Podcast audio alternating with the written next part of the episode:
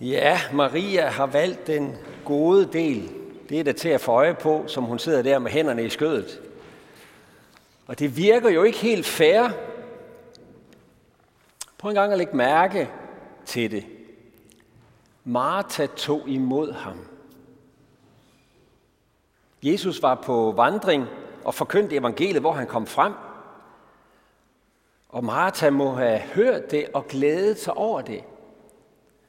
For hun beslutter sig for at invitere ham hjem til husly og mad i sit hjem. Martha tog imod ham. Og så var hun ellers travlt optaget af at sørge for ham. Det er man jo, når man inviterer nogen hjem. Hun gav sin glæde over at have mødt Jesus krop i tjeneste for ham. Så langt, så godt. Det var altså Martha, der tog initiativet til den her fest i hjemmet. Men derhjemme blev søsteren Maria selvfølgelig også sat i gang i køkkenet. Ud fra datidens sociale normer, så ville de nærmeste i Jesu følge også have været inviteret med ind. Og det jeg vil også have siddet nogen fra landsbyen, nogen af mændene fra landsbyen, der i selskabet og have lyttet til Jesus. Alt andet ville have været socialt uacceptabelt, man kunne ikke bare invitere en mand indenfor øh, til to kvinder, så de andre må have været der. Så der var nok at se til for Martha og Maria. Og så skal vi helt sikkert forestille os, at Maria, hun har været den, som blev sendt frem og tilbage med skole og tallerkener og, og mad og drikke og hvad det nu var. Og undervejs har hun forsøgt at lytte med på, hvad det nu var, Jesus han sagde til de der mænd i hjemmet. Og på et tidspunkt, er hun blevet sådan grebet af det, at hun lige blev hængende. Hun skulle lige have lidt mere med. Og hun kunne også lige stille skålene og fadene fra sig der, og lige sætte sig lidt, og få lidt mere med af det, Jesus sagde. Og så havde hun tabt sig selv der for Jesu fødder. Og så står Martha alene derude i køkkenet, der kommer ikke nogen Maria ind for at hente noget mere. Hvor blev hun af? Og hun går ind og kigger, og så finder hun hende min sanden siddende der med hænderne i skødet blandt mændene. Og Jesus, han gør ikke noget ved det. Han gør ikke det forkerte ret ved at sende hende tilbage til sin plads. Han lader hende bare sidde der. Og så kan Martha da ellers løbe rundt. Jamen det er da også irriterende, er det ikke? Jeg kan godt mærke det. Jeg kan godt mærke Martha i maven. Men Jesus tager Maria i forsvar. Hun har valgt den gode del. Ikke bare det. Hun har valgt det ene virkelig nødvendige. Det mest nødvendige over alt andet nødvendigt, uanset sociale normer og pligt i øvrigt. Og det ene nødvendige, det er ikke at tjene Gud. Det er at lade sig tjene af Gud. At sidde ved Jesu fødder og lytte til ham. Suge til sig. Blive set af ham. Og lade sig gennem elske af ham. Det er det ene nødvendige. Alt det andet, det kommer helt naturligt bagefter. Tjenesten for Gud, det er ikke troens centrum. Tjenesten for Gud er næsten flyder ud af troens centrum. Og Maria skal nok komme tilbage og løse de opgaver, der var hendes, bare med endnu større glæde end før. Måske var det i virkeligheden Martha, der skulle lære lidt af Maria, forstår vi på Jesus. Martha, Martha, du gør dig bekymringer om mange ting, og du er urolig for mange ting, men ét er fornødent. Det er det også for dig, Martha, siger han til hende. Jesus er med andre ord på ingen måde ude efter Martha. Slet, slet ikke. Og før jeg siger lidt mere om det, så har jeg lyst til at sige noget til alle jer, der tager fat på den ene eller på den anden måde i, her i sorgen og menighed. Tak. Tak til hver en frivillig og hver en ansat. Uden jeres indsats, så vil tingene falde fra hinanden. Tusind tak. Tak for hver lille synlig eller usynlig opgave, I har taget på jer, på den ene eller den anden måde. Tusind tak. Tak for de små og de store opgaver, I løser. Det synes jeg bare, det skal siges. Tak for det. Jesus er på ingen måde ude efter Martha, men han er ude på, at Martha ikke får byttet om på faktorernes orden i Guds rige, hverken for sig selv eller for andre. Og det er det, vi skal forsøge at få fat i i dag, fordi vi alle sammen har en Martha i maven. Vi bekymrer os om så mange ting. Der er så meget, vi skal have gjort. Og vi forsøger at leve op til det, vi synes, der kræves af os. Det ligger os så nært. Vi trives bedst også, hvis vi bliver set for det, vi gør, og anerkendt for det. Og vi bliver skuffet, når ikke vi synes, vi får den opmærksomhed, som vores indsats berettiger til. Og vi bliver også lidt øh, trætte af det, når andre ikke synes at leve op til deres del. Vi synes måske, at der var andre, der kunne tage lidt mere fat, for der mangler der nok af folk i Guds rige til at løfte med os andre. Og har de da ikke forstået det er vigtigt? Hvorfor sidder de bare der med hænderne i skødet? Så kan man begynde at skubbe til hinanden, til dem, man mener, at de skulle tage sig lidt mere sammen. Måske plante lidt dårlig samvittighed, så folk kan komme til at tage sig sammen Og så er vi lynhurtigt i gang med at vende tingene på hovedet. Den dårlige samvittigheds kristendom. Så får vi evangelium gjort til lov. Vi får sat os selv i centrum i stedet for Jesus. Vi får Guds rige gjort til vores bekymring, som om det ikke var Guds. Vi ender i gerningernes religion i stedet for den levende relation. Og det sker helt af sig selv. Og det sker særligt, når vi glemmer at lade tallerkenerne stå for et øjeblik, og bare sætte os og være modtagere ved Jesu fødder. Prøv en gang, øh, hvis du får tid, hvis ikke du har så travlt, så, så prøv en gang at sætte dig ned og læse evangelierne igennem. Og læg mærke til, hvor meget op ad bakke det er for Jesus at nå igennem med sit budskab.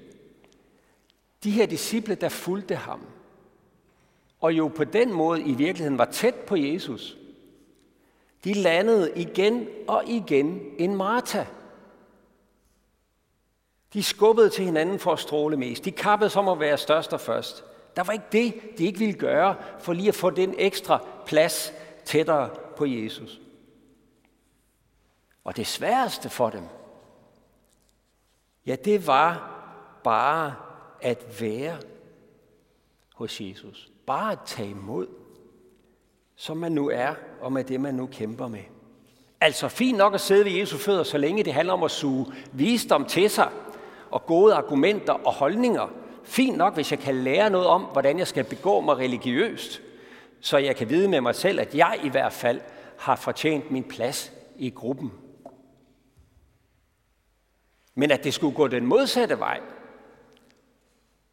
At Jesus, mesteren, skulle tjene mig, ej, det er godt nok svært. Det er godt nok pinligt. Det har jeg da vist ikke behov for. Der er andre, der har mere behov for det. For det er ydmygende. Og toppen, hvis du læser dig igennem evangelierne, kommer jo så der, hvor Jesus insisterer på at vaske disciplenes fødder. Nej tak. Der holder det godt nok. Altså tal om at bryde politisk og social korrekthed. Disciplerne ville til enhver tid heller selv have vasket deres fødder, eller have vasket nogle af de andres fødder, end at Jesus, mesteren, skulle bøje sig ned og vaske deres fødder.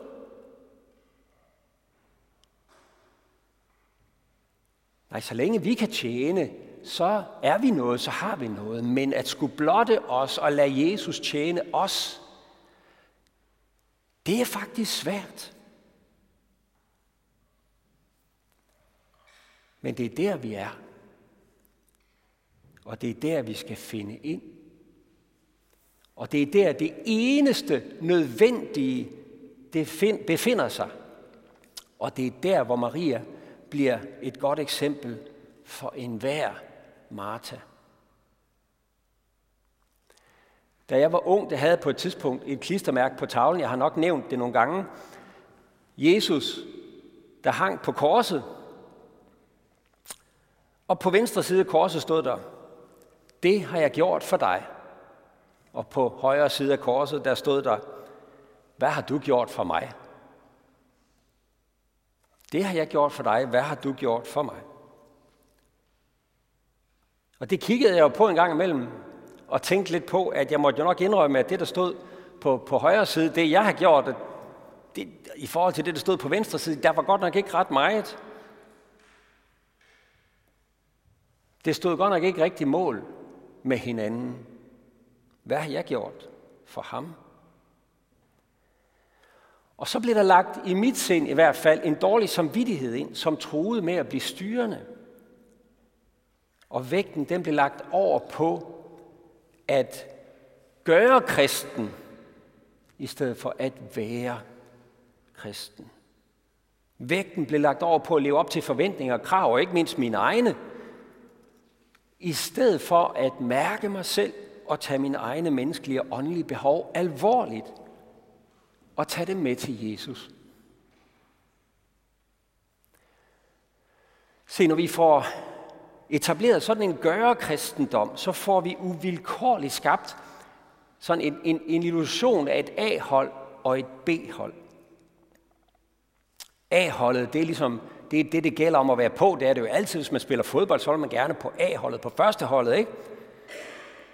Det er dem, som yder hjælp og tjener de andre. Og B-holdet, det er jo så ligesom dem, der er, er sat til at modtage øh, A-holdets hjælp. Der er nogen, der giver, og der er nogen, der modtager. Vi skal helst være på det givende hold. For dem, der har behov for at have deres identitet i at være tjeneren, der tjener andre, ja, de har jo brug for andre, som man kan gøre en tjeneste på. Ellers så mister man sin platform og sin identitet. Hvem er jeg, hvis ikke jeg stæser rundt og tjener de andre? Hvor er min plads så i gruppen? Og så kommer man til at låse andre fast som objekter for ens kristelighed, for ens tjenester, for ens egen identitet. Fordi B-holdet er det nødvendige hold, der legitimerer A-holdet. Et er fornøden, siger Jesus. Det er, at vi finder vores plads ved Jesu fødder som modtager. Eller som B-hold. At vi alle sammen er på B-holdet, kunne man sige. Som dem, der lytter til hans ord. Hvordan gør vi så det? Jo, vi går jo i kirke, vi læser i Bibelen, vi holder andagt, og vi husker at bede fader, hvor inden vi går i seng. Og det er alt sammen gode og vigtige ting, gode vaner og gode prioriteter. Men når vi alligevel en gang imellem, det sker alligevel en gang imellem, at vi meget let får det her vendt på hovedet, så det ikke bliver steder, hvor Jesus tjener os, men hvor det bliver noget, vi gør, fordi vi skal jo tjene Jesus for at gøre det, man jo gør, når man gerne vil være en god kristen. Og så er vi igen ved at lande en Martha. Og indrømmet, det var selvfølgelig lettere for Martha og Maria med, for Maria kunne sætte sig der ved Jesu fysiske fødder og sætte sig der. Men Jesus er her også stadig fysisk på en måde. Han er her i og med Kristi læme fællesskabet af mennesker, der hører ham til. Og vi er som Kristi læme jo ikke eller vi er her for at være krop for hinanden, men ikke bare sådan, at vi skal være den, der tjener de andre, men også sådan, at vi skal være den, der lader os tjene af Kristi krop, af Kristi læme. Sådan at vi også bliver i modtagerens position i menigheden, og den, der søger Jesus ved at søge omsorg, vejledning, støtte og hjælp hos sine brødre og søstre. Vi skal være Kristi krop for hinanden. Og i Guds rige er der ikke noget A-hold og B-hold. Der er grundlæggende set kun modtagere. Dem, der tog imod, gav han magt til at blive Guds børn. Det er det ene absolut nødvendige, at blive modtager af Guds kærlighed, tilgivelse og omsorg. Helt ned på bunden af din sjæl. Jesus sagde på et tidspunkt, den der tørster skal komme til mig og drikke. Og så fortsatte han. Den der tror på mig skal det gå, som skriften siger. Fra hans indre skal der rinde strømme af levende vand. Det sagde han om den ånd, som de, der troede på ham, skulle få. Kom med din tørst og drik. For bliver du modtager af det levende vand, så bliver du også giver. Og det, du har fået for intet, det kan du også give videre for intet. Lov og tak og evig ære være dig, hvor Gud, Fader, Søn og Helligånd, du som var, er og bliver en sand treenig Gud, højlovet fra første begyndelse, nu og i al evighed. Amen. Så vil vi tilønske hinanden, hvor Herres Jesu Kristi nåde, Guds, vor Fars kærlighed og Helligåndens fællesskab være med os alle.